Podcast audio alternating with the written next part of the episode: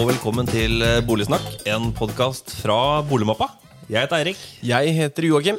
og dette her er stortingsvalg eh, spesial. Nå nærmer det seg. Det gjør det, med stormskritt. Har du blitt eh, sikker på at du skal stemme? Nei, Nei. ikke helt ennå. Vi har jo stadig nye partier som kommer innom og er vanvittig gode til å argumentere. Absolutt. Og i dag har vi besøk av Frp. Vi har vært så heldige å få besøk av Hans Andreas Limi. Velkommen. Takk skal du ha. Hyggelig å ha deg her. Hyggelig å være her. Du har vært nå eh, snart to eh, perioder på Stortinget. eh, og vært parlamentarisk leder Ja. i Frp. Og også finanspolitisk talsmann. Skulle tro at det holdt for å kunne svare på noen spørsmål om bolig. Ja, absolutt. Og ikke minst så har du, du har jo jobbet med eiendom ved siden av. Så eiendom kan du. Ja, nå begynner det å bli noen år siden, da, men eh, det er riktig det at jeg jobbet med eiendom i ja, nesten 20 år. eh, hos forskjellige selskap. Ikke så mye med bolig, mest med kommersiell eiendom, næringseiendom og kjøpesentre. Eh, men jeg kjenner jo eiendomsmarkedet fra, fra den siden. Nettopp. Um, bor du her i Oslo selv i dag? Nei, jeg bor i Bærum. Ehm, og har gjort det i ganske mange år. Jeg kommer opprinnelig fra Skien. Så um, der er det for øvrig veldig lave boligpriser fortsatt. Ja. Uh, bodde i Oslo noen år og flyttet til Bærum i 1993. Så um, solgte vi huset i Bærum for uh, åtte år siden, og nå uh, bor vi i en leilighet som fungerer veldig bra. Vi er bare to, barna er store og har flyttet ut og etablert seg på egen hånd. Hvordan var det å gå fra enebolig til leilighet? Det er alltid litt sånn stort sprang. Var det en positiv opplevelse? Jeg vokste opp i en eh, enebolig i Skien. Og eh, ikke med så veldig stor tomt, men det var nok til at det var mye, mange forpliktelser om å slå plen. Og den gangen jeg vokste opp på 60-tallet, så var det jo sånn at man dyrket jo poteter og hadde kjøkken av, og det måtte lukes. Og jeg tenkte sånn skal jeg aldri bo. Så mye pes hver eneste sommer, og spesielt på våren. Eh, Så jeg bodde i leilighet når jeg flyttet til, til Oslo. Så var det leilighet jeg leide de første årene, også sammen med kona mi. Eh, Men etter hvert når du får barn, så tenker du at eh, det er greit å ha en hage og ha litt uteareal og lage litt miljø, og da var det helt perfekt å flytte til Bærum. Så, så det, det var en helt naturlig utvikling. Men det var stort tomt, det var mye, mye jobb. Og så, eh, når barna da liksom skal stå på egne ben, så er det veldig greit å bare trappe litt ned og så ha noe som er veldig enkelt. Så det med leilighet kan jeg anbefale til alle over 60. ja, ja, de under òg. Jeg syns det det er mye vedlikehold på, på mitt, ja. og det er relativt nytt. Ja. Så jeg kunne godt tenkt meg en leilighet. Jeg må bare stille spørsmålet, for det stiller vi alle som har eh, kjøpt og solgt. Men du har jo da solgt. Hvordan syns du det var å selge bolig i Norge? Det fungerte veldig bra. Altså, jeg har, jeg har kjøpt Jeg har da kjøpt bolig to ganger i mitt liv. Eh, først når vi kjøpte hus i Bærum, og så når vi kjøpte leilighet. Og jeg har kun solgt én gang, og det er når vi solgte hus. Og det, det fungerte helt perfekt. Vi hadde en lokal øh, megler som eh, leverte bra, og hele prosessen opplevde jeg som veldig ryddig og, og skikkelig. Men, men det er klart, som, som, både som boligkjøper og boligselger, så må du følge med selv. Altså Du må være på, du kan ikke bare distansere deg fra hele prosessen. Så, eh, for det er jo, eh, for de aller fleste så er jo kanskje bolig den første store investeringen de gjør. Eh, og den er så stor at den skal de ha nær sagt slite med i mange, mange år. Og da må du være veldig, veldig på i hele prosessen for å sikre deg at du gjør både et riktig kjøp, og at ikke, at ikke du går på noen smeller, og at det dukker opp mye sånt som har vært uforutsett da i, i etterkant av kjøpet. Eller salget. Ja, Og så er det noen kostnader ved kjøp og salg. Det kommer vi sikkert tilbake til. Som er litt, eh, det er litt delte meninger om dokumentavgift og offentlige gebyrer osv. Ja, men la oss hoppe rett inn i det. Ja, kan vi ikke det? Hvordan syns eh, Frp at dagens marked for kjøp og salg eh, fungerer? Så det er en utfordring i, i Norge selvfølgelig, og, og spesielt i sentrale strøk, at vi har veldig høye boligpriser. Eh, og det gjør det jo litt problematisk for altså, unge mennesker å komme inn i boligmarkedet. Og vi gjør det jo ikke bedre med de avgiftene, uh, både dokumentavgiften, som vi mener at må reduseres vesentlig.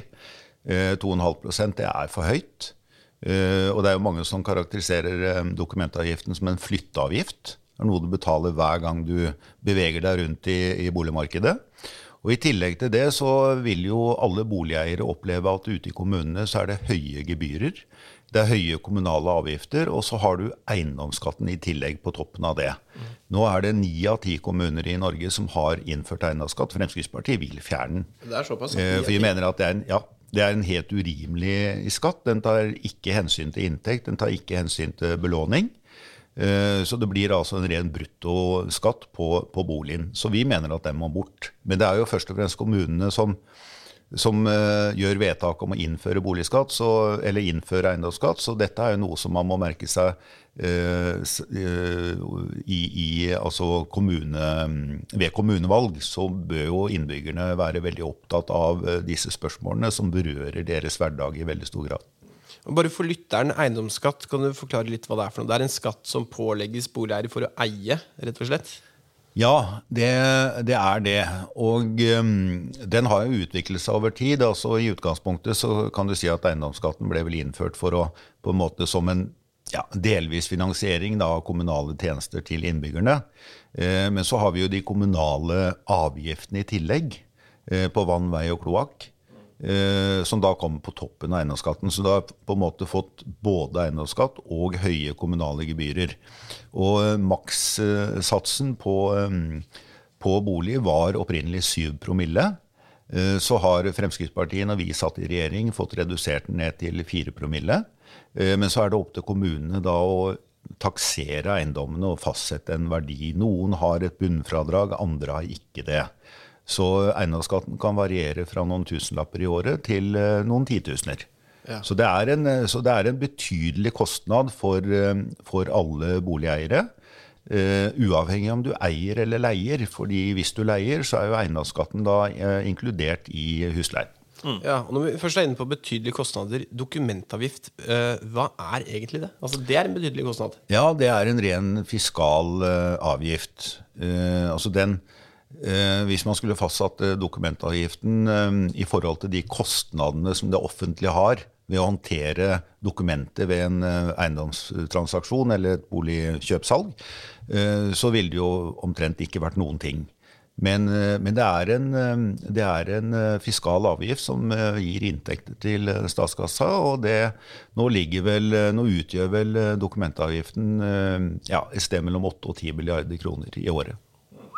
Ja, det er nok. Jeg hørte en gang at eh, dokumentavgiften ble innført sånn på slutten av 80-tallet, sånn jappetid, for å bremse litt eh, prisveksten.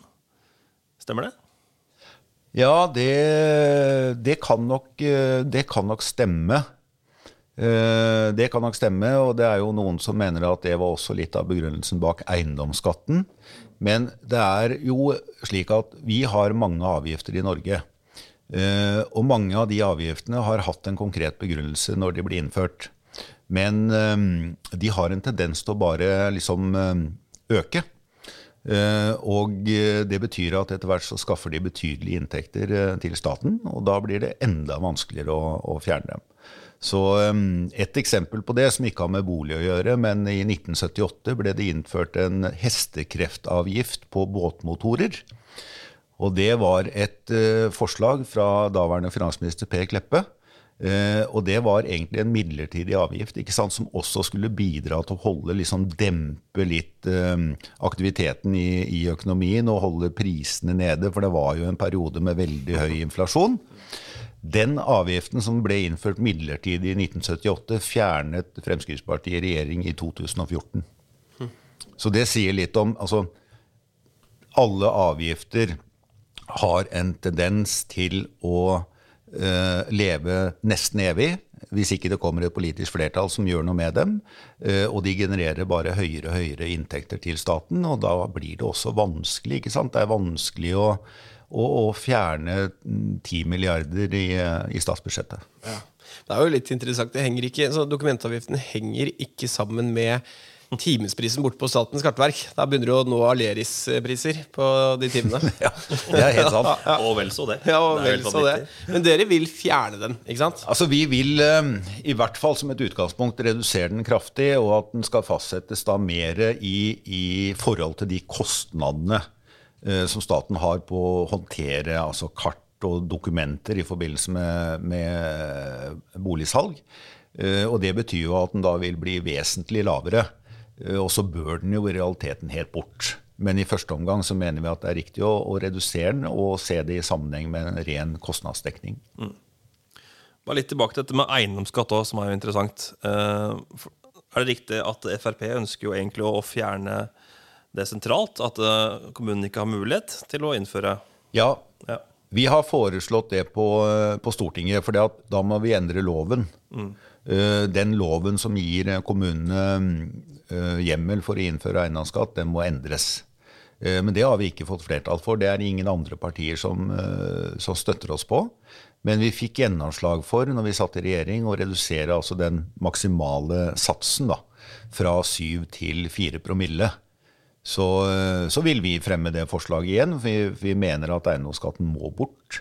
Uh, og den er som sagt uh, veldig høy i uh, mange kommuner. Og det vi i realiteten har fått, i, med, i og med at det er ni av ti kommuner som har eiendomsskatt, det er jo en nasjonal boligskatt. Og det har Stortinget stemt ned gjentatte ganger, for SV har fremmet det. De vil ha en nasjonal boligskatt. Det er en ærlig sak. Men det vil ikke flertall på Stortinget. Men vi har i realiteten fått det gjennom kommunale vedtak.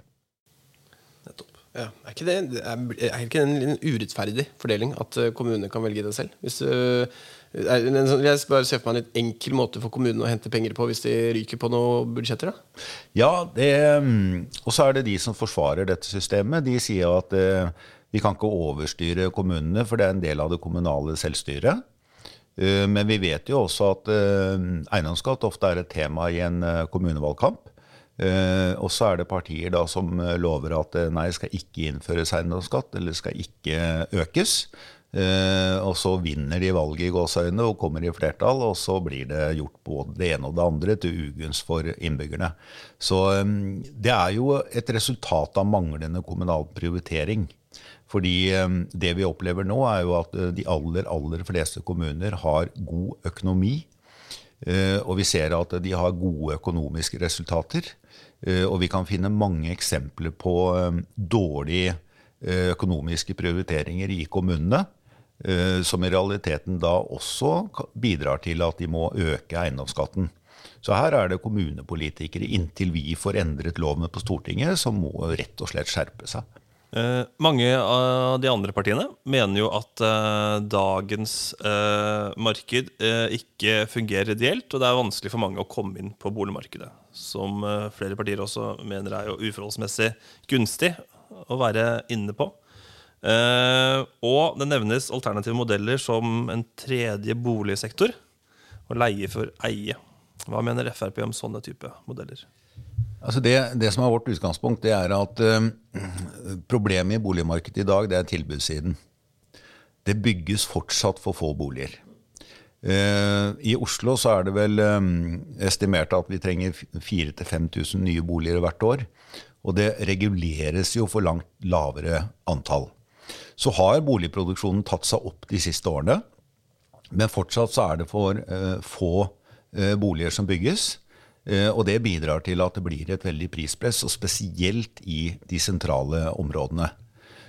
Så kan det være fornuftig at yngre mennesker som ikke har egenkapital, at de får en mulighet til å leie og bygge opp egenkapital. Og jeg vet fra både Asker og Bærum at det har vært Eh, bygget eh, boligprosjekter hvor man også har tatt hensyn til at en del av leilighetene skal være forbeholdt yngre mennesker.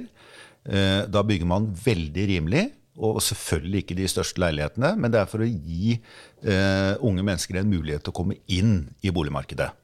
I Bærum så har vi en egen stiftelse, en utleiestiftelse, som ble opprettet av kommunen i 99. Og den har egentlig det samme formålet. Da er det mulighet for yngre mennesker opp til 35 år å leie til en relativt lav leie, ikke subsidiert, men lav leie fordi at det er bygget rimelig, eh, og små leiligheter. Og så kan de da bygge seg opp egenkapital inntil de har nok til å komme inn på, på boligmarkedet. Så det fins mange ulike varianter. Men det viktigste er at vi klarer å bygge flere boliger. Og for å få til det, så må kommunene regulere mer areal. Vi har ikke knapphet på areal i Norge. Men vi har et politisk skapt øh, problem når det gjelder areal til bolig. Og Der må kommunene få lov til å regulere mer uten at det blir overkjørt av statsforvalter og, og staten. For der ønsker Frp å forenkle? Der ønsker vi å forenkle. Også det vi ser i dag, det er at eh, både Statsforvalteren, altså gamle Fylkesmannen, og Statens vegvesen de kan levere masse innsigelser til kommunale planer. Eh, det er de færreste av de innsigelsene som blir tatt til følge av staten, altså av eh, Kommunaldepartementet. Men det tar jo lang tid å behandle den type innsigelser. ikke sant? Og Det betyr at tiden løper, kostnadene øker, og, og du forsinker hele prosessen. Vi vil jo, eh, vi vil jo egentlig ha bort eh, hele, hele dette systemet og, og, fjerne fylkeskommunen og overlate eh, Eller la kommunene i mye større grad få lov til å styre dette selv. Og da vil du også se at det kommer langt flere planer som legger til rette for å bygge boliger. Men jeg kan nevne en ting til som er spesielt rundt i vår region, altså hovedstadsregionen, men som også gjelder i andre deler av landet rundt de større byene. Og det er at det er vedtatt areal- og transportstrategier som mm. sier noe om hvordan den fremtidige boligbyggingen skal skje. Og det disse planene innebærer, det er at det blir en ensidig fortetting og spesielt rundt eh, kollektivknutepunkt. Eh, det betyr at eh, spredt boligbygging det tillates ikke. Og hvis kommunene ønsker det, så kommer da statsforvalteren inn og slår dem med hodet med denne overordna planen. Og er det noe vi vet, så er det at uansett hvor det er en i landet, men altså leiligheter i sentrale strøk har de absolutt høyeste kvadratmeterprisene. Mm. Og det er jo bl.a. fordi at tomtebelastningen blir så ekstremt høy. Uh, og da hjelper det ikke om du kan gå rett ut av, av leiligheten og rett inn på T-banen eller rett på bussen, for det er ingen som har råd til å bo der, i hvert fall ikke yngre mennesker. Så vi ønsker en mer spredt boligbygging, men da må vi også følge på med enda mer uh, utbygging av bane og vei. Dere vil gjøre det lettere å bygge bolig. Det er litt interessant. da, Vi har jo eh, snakket med noen partier nå som er veldig Alle snakker om disse modellene, men vi har snakket veldig lite om det å bygge boliger. Syns jeg leste noe om markalov nå, og høyde på bygg. Ja. To, hva mener dere om det? Altså I dag så er det vel eh, altså en tredjedel av Oslos areal som er bebygd. Uh, og jeg er veldig glad i marka, og jeg bruker Bærumsmarka masse. Og det er et gode som vi har. altså Det er helt fantastisk. Men jeg ser jo også at vi, vi kunne bygget uh, mer i marka.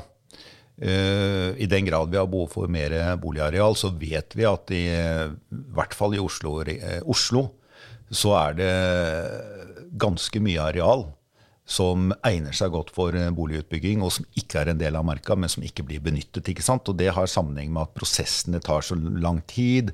Oslo kommune er seine, de er veldig byråkratiske, de bruker veldig lang tid på å godkjenne uh, reguleringsplaner. Så det er liksom det, det er ett problem. Men samtidig så mener jeg at det kunne vært tilrettelagt for en, uh, å bruke en større del av marka også til boligbygging, uten at jeg hadde forringet marka i noe vesentlig grad. Fordi marka er så stor, og det er så mange muligheter til uh, å bruke den. Uh, så, så, litt større fleksibilitet. Mm. Det med å bygge høyden tror jeg er eller mener Fremskrittspartiet er fornuftig, men det er ikke dermed sagt at det passer overalt. Vi har hatt en stor diskusjon ute i Sandvika. Uh, for der har det jo vært lagt planer på å bygge virkelig i høyden. Uh, og det skaper voldsomt engasjement. Ja. Så, uh, og, og, veldig mange er negative til det, for det har litt sammenheng med solforhold og forringelse av eksisterende boliger og den type ting. Så, så, så det er ikke alt jeg, jeg, tror ikke vi kan si at det er bare bygg i høyden, kjør i vei. Sånn er det ikke. Det må ses i sammenheng med uh, eksisterende bebyggelse. og så kunne man sikkert da bygget noe høyere i Sandvika på enkelte steder. Litt sånn avhengig av topografiske forhold. Eh, og så tror jeg at vi i Oslo med fordel også kan bygge høyden. Eh, men samtidig så vet vi at eh, det er, det er utfordringer med, med, det å Hvis du skal bygge i høyden, så bygger du stort sett i sentrum, eller i sentrumsnære områder. Og der er det knapphet på areal. Og skal man si at man kan utligne det ved å bygge i høyden, men jeg tror jo mer på å, å tilrettelegge for mer areal til bolig. Uh, og da kan du også få en litt mer variert uh, boligutbygging.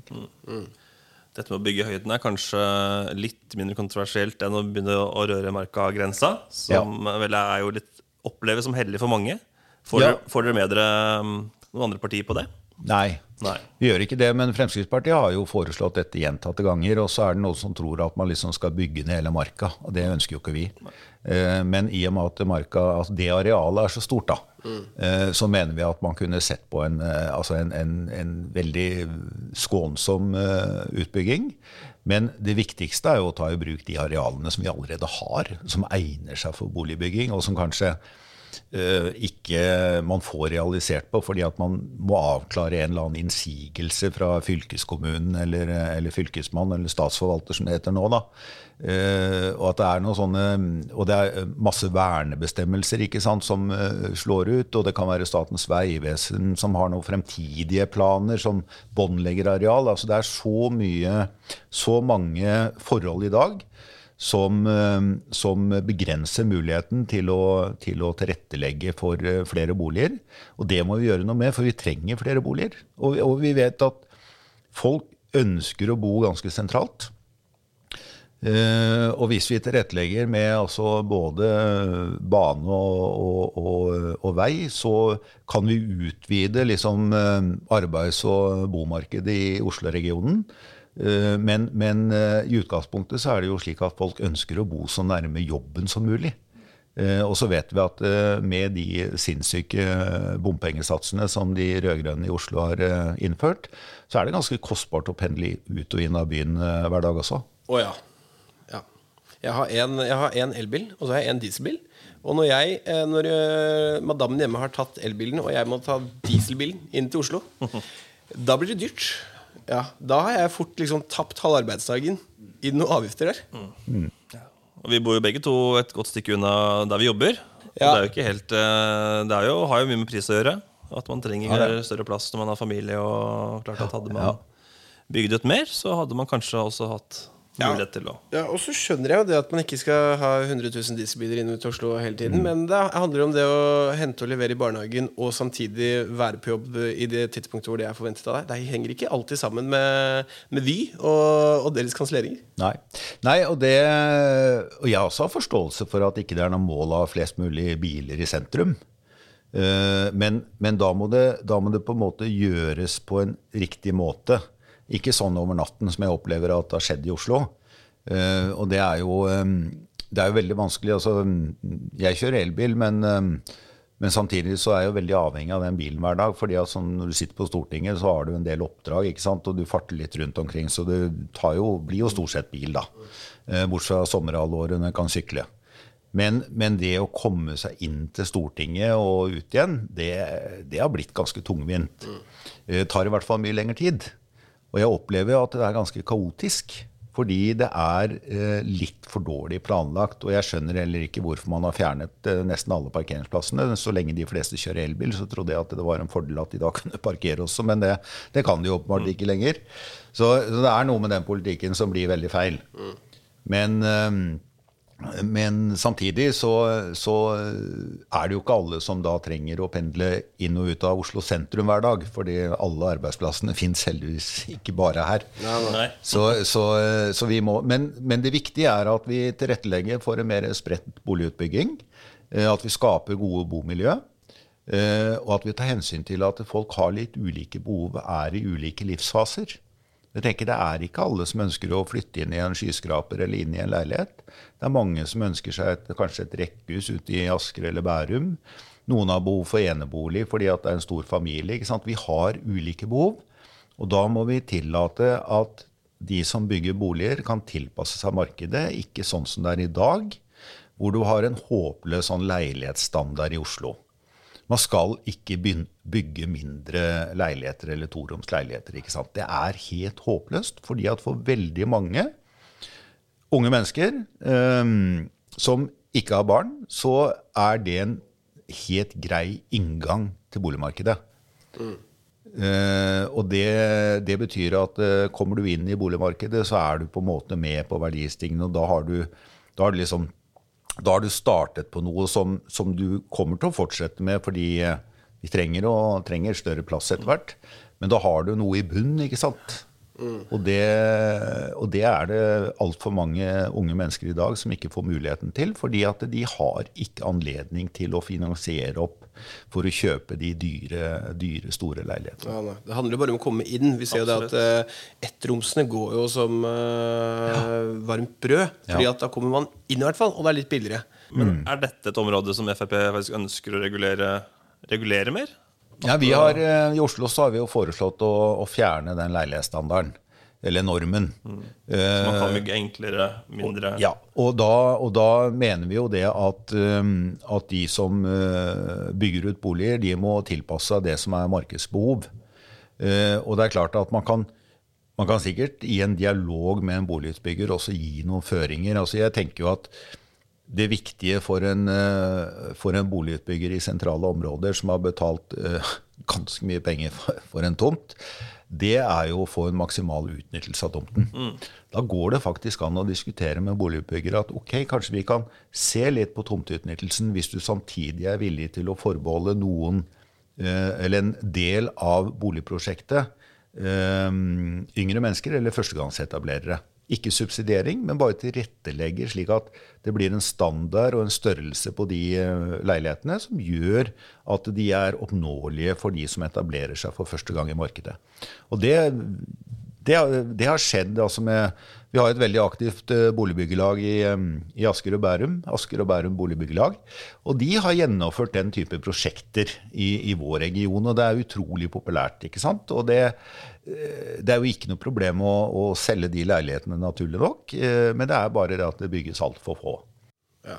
Hva tror du om, Vi har snakket om det før med ikke-kommersielle boligbyggelag. Som bygger for eh, studenter og eldre og hva det måtte være. Leilighetene går til fastpris, følger en eh, fast eh, prisstigning år etter år. Har du troa på det?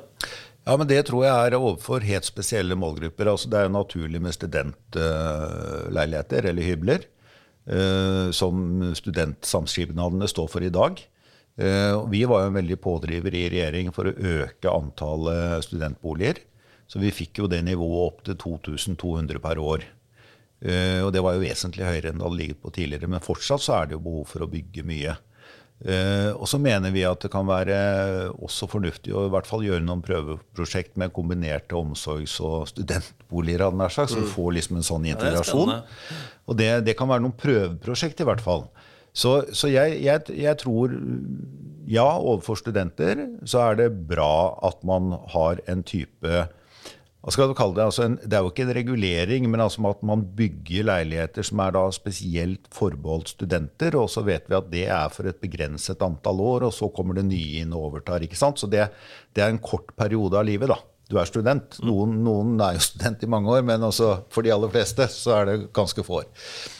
Eh, og, eh, så kan man gjøre, tenke seg noe tilsvarende overfor eh, førstegangsetablerere, men jeg er veldig opptatt av at dette skjer i et samspill med private boligutbyggere. Fordi vi har ikke noen gode erfaringer med å regulere og sette pristak. Altså, det har aldri fungert i boligmarkedet. Jeg husker godt hvordan det var i øh, når jeg vokste opp, og spesielt på etter hvert som jeg, som jeg klarte å engasjere meg litt i, i hva som skjedde rundt i samfunnet sånn på 70-tallet, så var det jo Alt var regulert.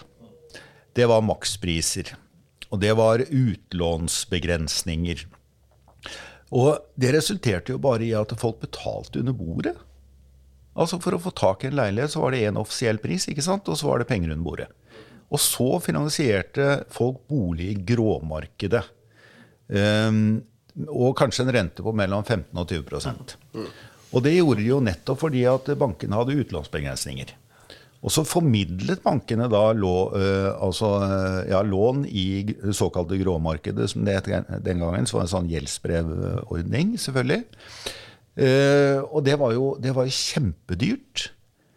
Um, og, det, og det gikk jo selvfølgelig mest utover de som ikke hadde noe egenkapital. Eh, og som ikke hadde egne penger å putte inn i en bolig.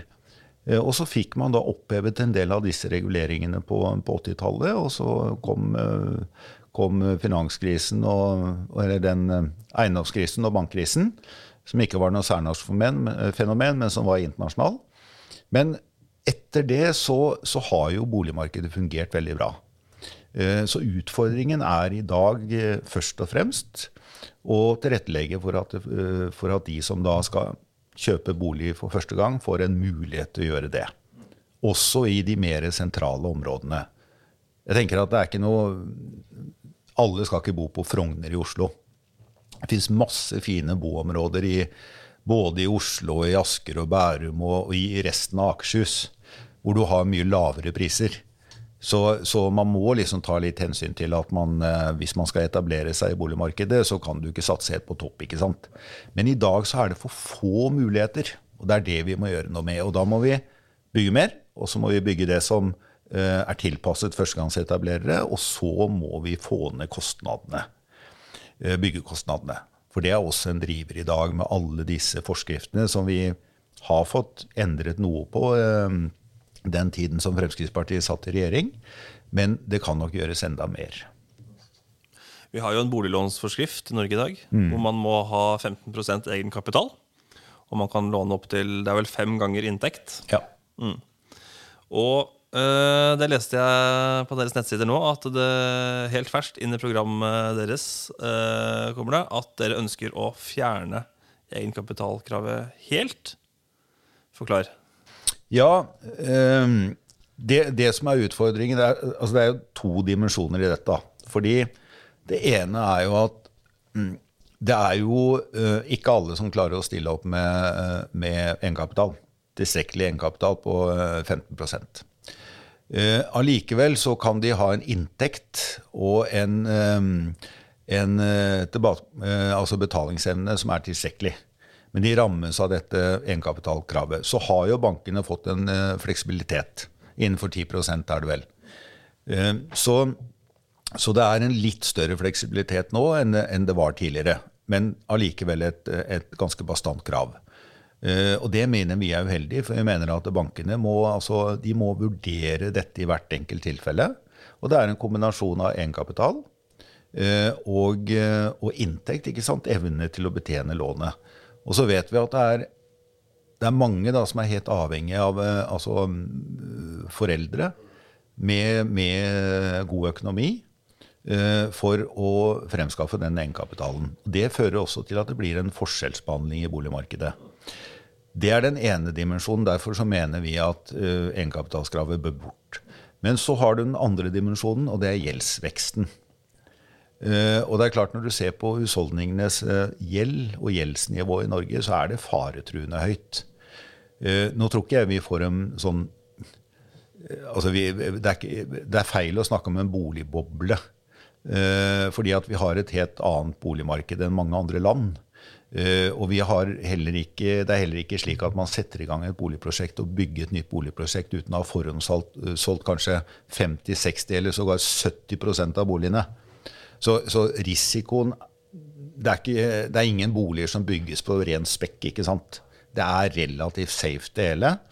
Men allikevel er gjeldsnivået veldig høyt. Og det var jo grunnen til at man innførte det egenkapitalkravet. Så jeg tenker at ja, det bort, bør bort.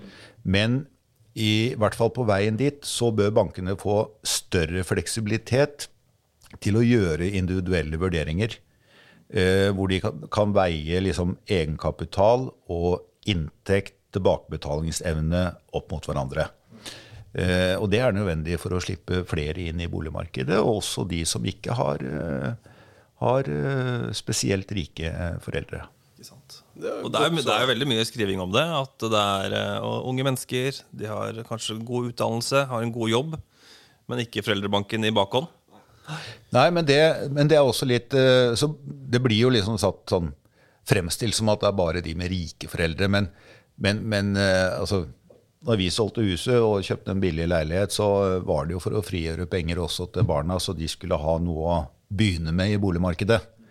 Uh, og, og, og, vi, kona og jeg, vi er ikke noe spesielt uh, mye rikere enn andre nordmenn flest som, som, har bolig og hytte. Så det er mange måter å gjøre dette på. Mm. Så, så skal, men, men samtidig så er det klart at det er ikke alle som er i den situasjonen heller. Og, og, unge mennesker må få anledning til å komme inn i boligmarkedet. Og da mener vi at den, eh, det kravet som er i dag, blir for rigid. Nettopp.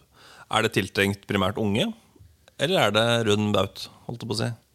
Nei, det er, eh, det er jo først og fremst eh, Altså, kall det førstegangsetablereren det rammer, da. Ja, det er klart. For, fordi, fordi, eh, hvis du ikke altså du kan, jo du kan jo ha egenkapital. ikke sant? Du kan jo ha benyttet en BSU-ordning og spart opp penger, og du kan ha jobbet, og det er mange som er flinke. Mm. Men, men, eh, men, samtidig så er det klart at er du inne i boligmarkedet, så har du alltid ja. Eh, en verdi i den boligen du skal selge. Og da er det mye lettere å, å, å få, det, få utvida det lånet, eller få et nytt lån for å investere i en litt større bolig. Så det er den, det er den terskelen å liksom komme inn i markedet jeg tenker er, eh, det er den vi må prøve å, å senke. Ja, ja, og det er ikke slik at, at man slipper egenkapital, men bankene får mer frihet? Bankene får mer frihet, ja. Og det er et veldig viktig poeng. Og selvfølgelig må det være egenkapital, men det har jo bankene alltid vurdert. Mm. Uh, og så vet vi at uh, vi har en helt annen soliditet i bankene i dag enn vi hadde liksom på slutten av 80-tallet. Vi fikk bankkrisen. Uh, vi har lært mye av det som skjedde den gangen på begynnelsen av 90-tallet. Og vi har på en måte sørget for at bankene med kapitalkrav og, og den type ting, så er de bunnsolide, de norske bankene. Og, og, det ser vi også selv nå under koronakrisen, hvor det har vært rimelig tøft for mange. ikke sant? Eh, også bedrifter, eh, så er det ikke noe eh, Så har ikke bankenes uttap på utlån gått opp. Ja, og, det, og, og, så kan man si at det, kanskje det kommer sånn i ettertid, da, men så langt så er det ikke noe uh, tendens uh, til at tapene på utlån har økt. Så det tilsier vel at bank, norske banker har en ganske god Eller har en veldig god evne til å, å gjøre sine kredittvurderinger og, og individuelle vurderinger. Mm. Og makstaket på fem ganger inntekt, tenker man at det skal bestå, eller er det jeg tenker, er, jeg tenker, det er, først og fremst egenkapitalkravet. Mm. At det blir for rigid. Det må være mer individuell tilpasning og ses i sammenheng med inntekt. Mm. Men så vet vi jo at det er jo en grense fordi det har alltid vært en sånn vurdering av hvor mye du kan låne i forhold til inntekt. Eh, altså det, sånn var det på 80-tallet også. Så, så, det har alltid vært der. Eh, og jeg tenker at det er en del av det bankhåndverket. Fordi du kan, du kan ikke låne ubegrenset selv om, har, eh, selv om renten er null. Eh, så vil du fort komme i en situasjon sant, hvor du får renteøkninger. Og du må jo kunne betjene den gjelden og det lånet som du tar opp. Mm. Ja. Mm. Tenker at det er å fjerne egenkapitalkravet og i tillegg legge til rette for å bygge mange flere små leiligheter. Må jo være en god oppskrift for å få mange unge inn på markedet. Tusen takk for at du kom på besøk, eh, Hans Andreas. Helt til slutt, hvorfor bør man gi sin stemme til Frp 13.9.?